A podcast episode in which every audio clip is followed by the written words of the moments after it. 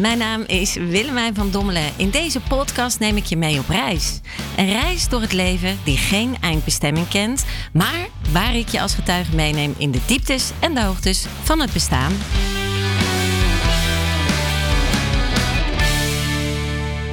Hi, welkom weer op deze mooie podcast van de enige echte Pink Rebel in de House. De vorige keer bij eh, de podcast heb je misschien uh, nog meegekregen dat ik uh, eigenlijk heel graag met jou een stukje deel over mijn bewogen leven, waar ik nog steeds natuurlijk actief in vibreer, nietwaar? Um, ja, ik neem je echt mee vanaf het begin. Hè? Dus de vorige keer in de podcast ging het over klein, klein, klein, klein, klein meisje. Dus echt geboortesituatie. En, en dan langzaamaan naar uh, ja, de, de puberteit. Hè? Ik heb je ook een beetje gedeeld wat, wat mij uh, ja, de rebel maakt die ik ben. De rebel with or without a cause. Dat mag je, mag je zelf helemaal invullen. Uh, maar toch wel wat die dualiteit die ik vanaf jongens af heb gehad tussen wil ik nou dat prinsesje zijn of eerder een soort warrior princess. Um, waarbij beide krachten energetisch verbinden. Yin-yang van het man-vrouwelijk kaliber. Um, dus in ieder geval, het, het feit dat ik een beetje tussen die, die werelden moest leven. Um, zorgde ervoor dat ik, uh, ja, dat ik het ook wel moeilijk had op mijn plek te vinden. Waar hoor ik thuis? En ergens voelde ik me nergens thuis. En nu ben ik benieuwd of je dat gevoel misschien herkent of dat, dat je weet dat iemand dat gevoel herkent. Um, op heel jonge leeftijd had ik al een, een beetje een verdwaald gevoel of zoiets. Ik kan het heel moeilijk omschrijven. Alsof je dus wel in een doolhof zit.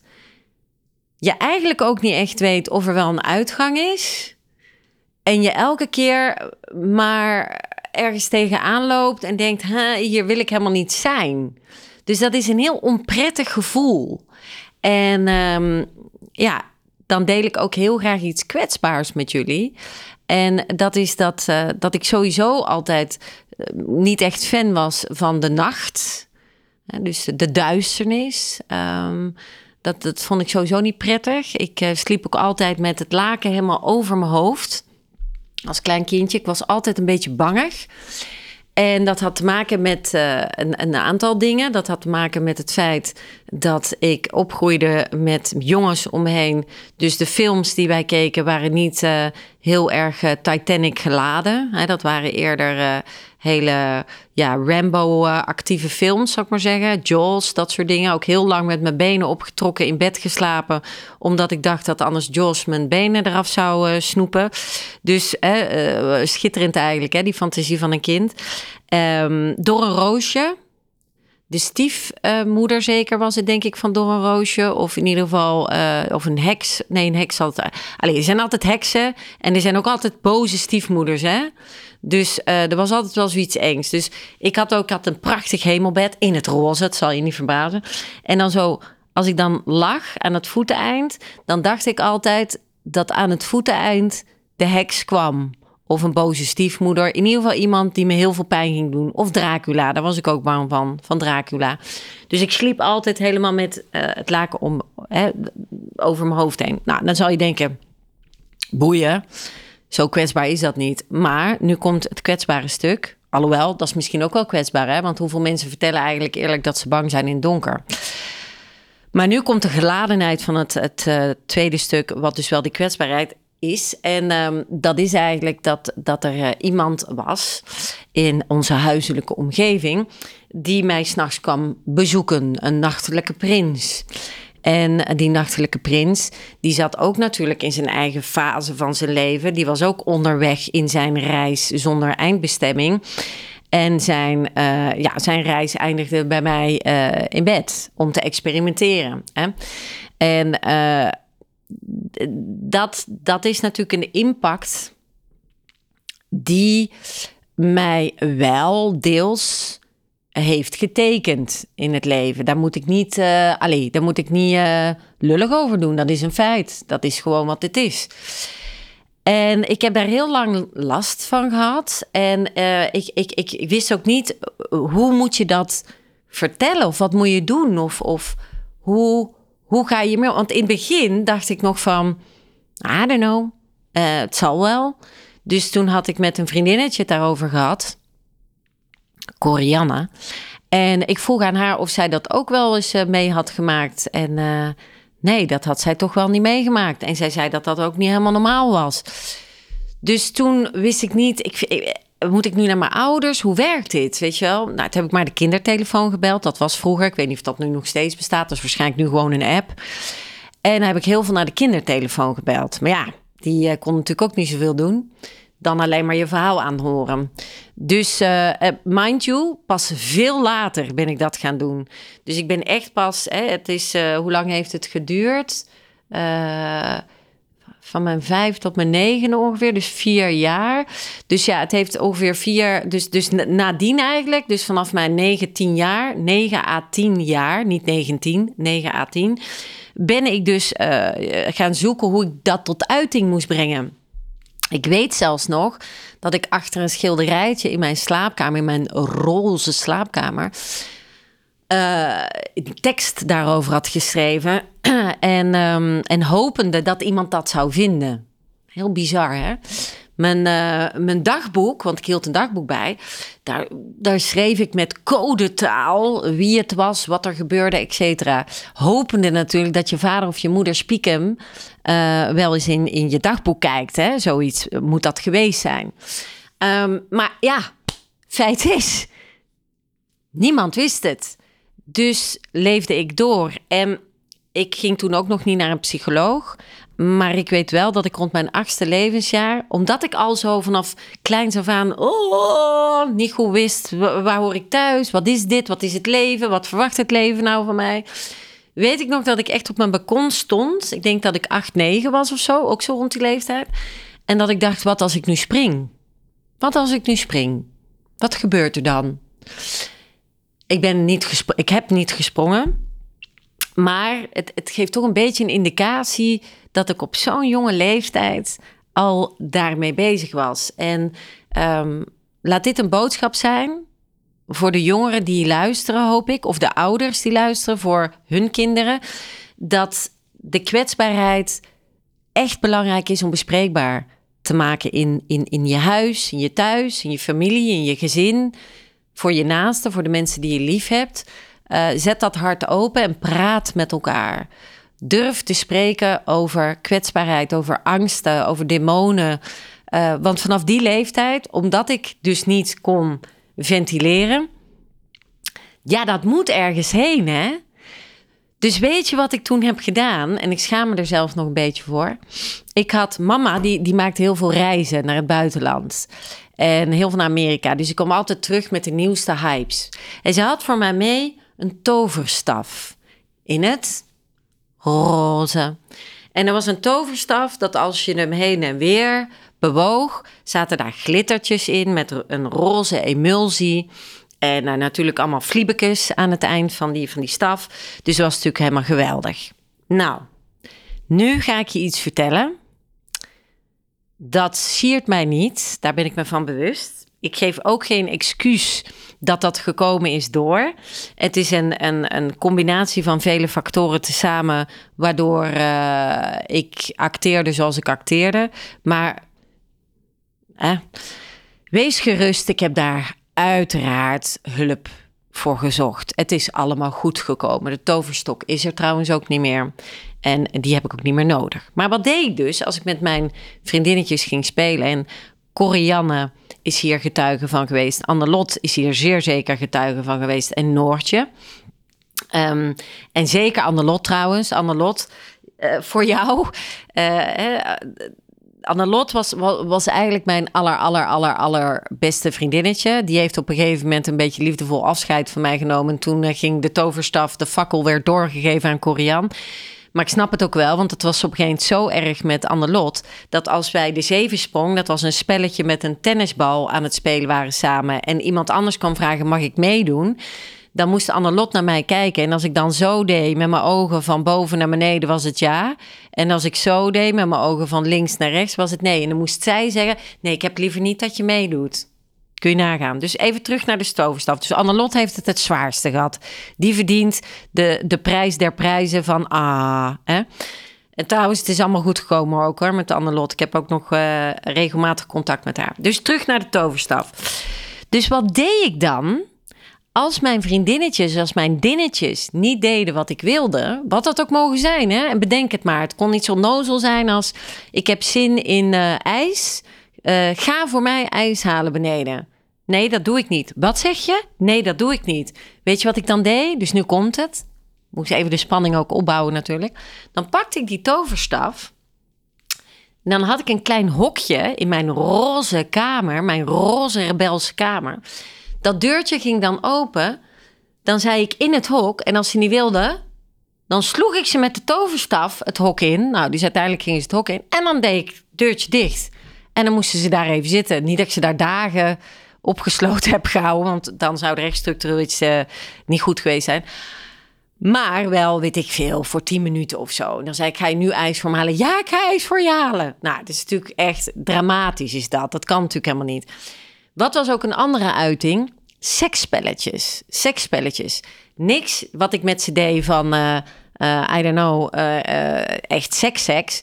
Maar wel gaan playbacken samen bijvoorbeeld. Maar dan moesten ze een onderdeel van hun kleding uitdoen. Ja, dat is natuurlijk niet helemaal oké, hè? Uh, en ik weet dat nog, hè? Dat, en dat moesten ze dan voor mij. Ik deed dat zelf niet, maar zij moesten dat voor mij doen. Dus dat is waarschijnlijk natuurlijk, als we dat psychologisch gaan herleiden... want dat is natuurlijk psychologisch de honderdduizend psychologen, psychiaters, psychotherapeuten herleid. Want er komt nog veel meer in mijn leven wat ertoe doet, uh, wat herleid moest worden. Ja, dan is dat natuurlijk niet helemaal oké. Wat een ander uh, pijnlijk aspect daarvan was is dat, um, dat dat ook paniek, een soort paniekaanvallen en angstaanvallen creëerde in de nacht. Hè? Want op een gegeven moment is het gestopt, de, de, de nachtelijke bezoeken van de prins. En daar was ik ook wel blij om, want ik, ik, het voelde ook niet meer fijn. Hè? Dus, en daardoor werd mijn ontzettend onprettige karakter naar mijn dinnetjes ook milder. En uh, daar kom ik in de volgende podcast ook zeker op terug. Daar hebben een paar dingen aan meegewerkt. Maar wat dat, alleen, wat dat wel heel belangrijk was, was ik bleef in die dualiteit van meisje-jongen zitten. En dan nog eens keer in die innerlijke strijd van macht. Hè? Want dat is het uiteindelijk. De nachtelijke prins had macht over mij. Ik was kwetsbaar. Ik was, ik was onwetend wat daar gebeurde. Maar ik wilde dus wel machtsvertoon uit op een andere manier. Dus ben ik dat op mijn dinnetjes gaan, uh, ja, gaan uitspelen, als het ware. Dus dat is natuurlijk uh, heel verdrietig. En het werd nog erger.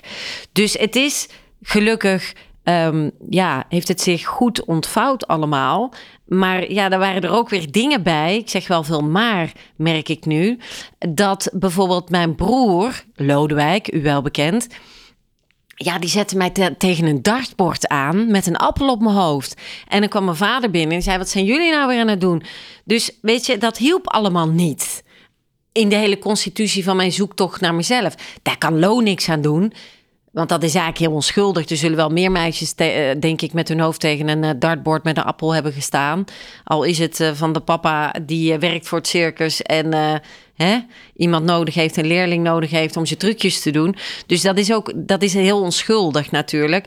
Maar al die zaken, hup, dat was weer een maar. Al die zaken bij elkaar ja, zorgde er wel voor dat ik, dat ik mijn draai zo wat moeilijk vond. Dan hebben we nog het uiterlijk.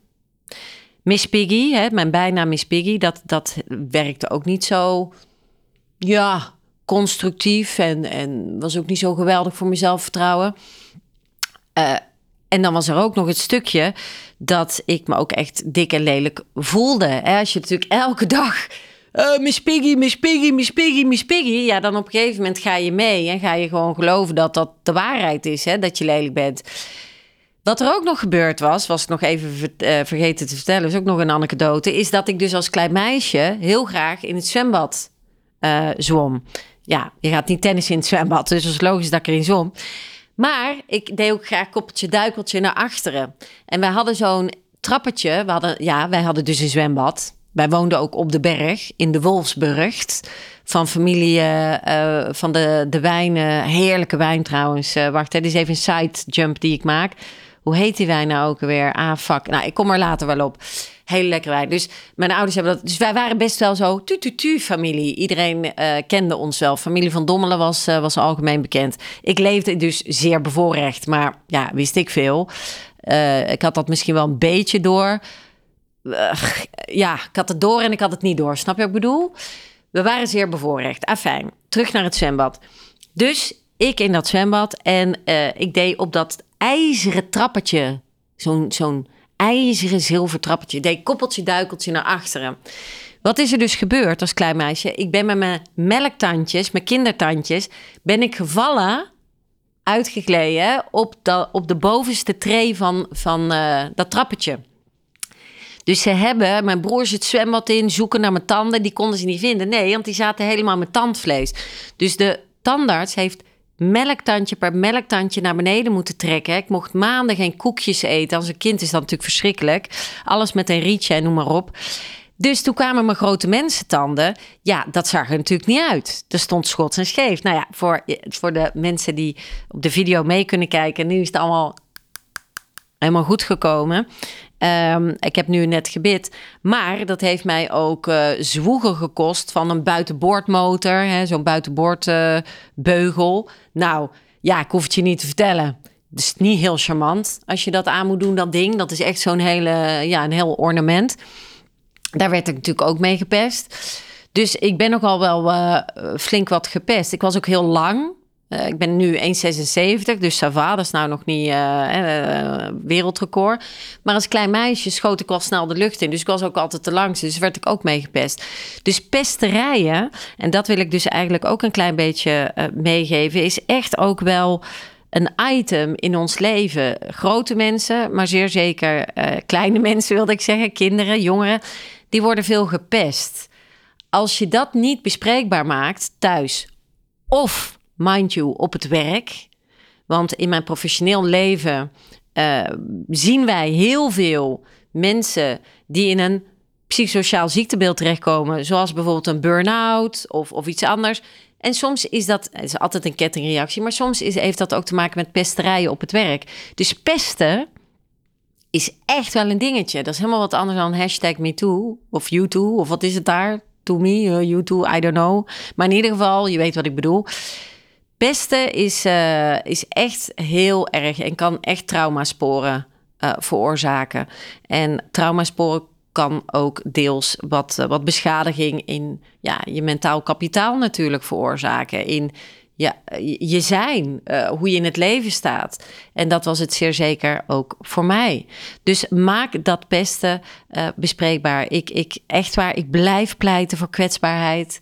Ik blijf pleiten voor authenticiteit. Dat alles mag en alles kan. Lieve mensen, we hebben maar één leven, vermoed ik. Misschien zijn het er meer. Er zijn natuurlijk oudere zielen. Maar in het hier en het nu is het carpe fucking diem, weet je? Je moet gewoon carpe fucking diem. En doe dat niet door te pesten. Doe dat niet door mensen tekort te doen. Doe dat niet door veroordeling. Um, maak liefst geen ruzie. Sla liefst geen andere mensen een bloedneus toe, zoals ik dat vroeger wel eens heb gedaan. Ook niet met een toverstok slaan. Gewoon niet slaan. Overslaan. Kijk dieper dan dat stuk ego waarin uh, we elkaar willen manipuleren en sturen. Um, ik vind zo één wijsheid die ik heb geleerd en graag doorgeef ter afsluiting is: uh, als jij nou doet wat ik wil, dan word ik gelukkig. Als jij nou doet wat ik wil, dan word ik gelukkig. En dit zien we veel terugkomen in ouders die dat doen naar hun kinderen. We zien dit veel terugkomen op de werkvloer van een baas naar een werknemer. We zien dit ook veel terugkomen in liefdesrelaties. Als jij nou doet wat ik wil, dan ben ik gelukkig. Ten eerste, de vinger die wijst naar de ander zorgt ervoor dat er al drie vingers naar de persoon zelf wijzen. Dus de ownership van degene die het zegt op een zeer belerende manier zal misschien eerst even in de spiegel mogen kijken en uh, naar het werkpunt van zichzelf gaan, want we hebben allemaal werkpunten. En als er nu iets is, lieve mensen, wat geen liefde is, dan is het wel zeggen: als jij doet wat ik wil, dan word ik gelukkig. Ik heb niets anders gedaan, en daarover in de volgende podcast ook meer, dan mij weg te zetten, weg te cijferen, uh, te veranderen, aan te passen voor de ander, waarin je het nooit goed genoeg doet. Dus daar was altijd teleurstelling op teleurstelling. En dat is natuurlijk heel verdrietig. Uh, dat maakt ook dat ik het steeds moeilijker kreeg om mijn weg en mijn plaats te vinden in, uh, in het hier.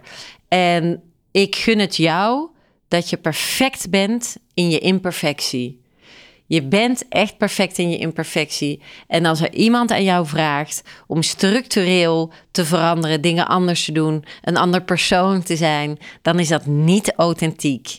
En dan mag je dat gerust bespreekbaar maken. Dus zorg goed voor jezelf, ben lief voor jezelf, ben mild voor jezelf. En uh, ja, zoals ik altijd zeg, Carpe Vac Diem.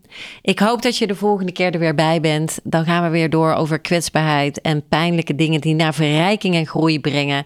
En uh, dat gun ik jullie allemaal. Stay wicked, wild and sweet. En ik zie je, lees je, hoor je. Jij hoort mij. Uh, heel graag een andere keer. Oh, mind you, dat wil ik ook nog even zeggen. Wees welkom hè, om commentaar te geven, feedback. Wil je vraagstellingen? Uh, laat het ons weten ik wil heel graag jullie ondersteunen op welk moment en op welke manier dan ook. En vergeet niet, ik geef heel veel workshops, uh, trainingen, dat soort dingen. Dus als je dat toch wel leuk lijkt en deze rariteiten spreken jou wel aan, uh, ga naar onze website. Uh, dat is in principe pinkrebelrevolution.com, prrconsultancy.com.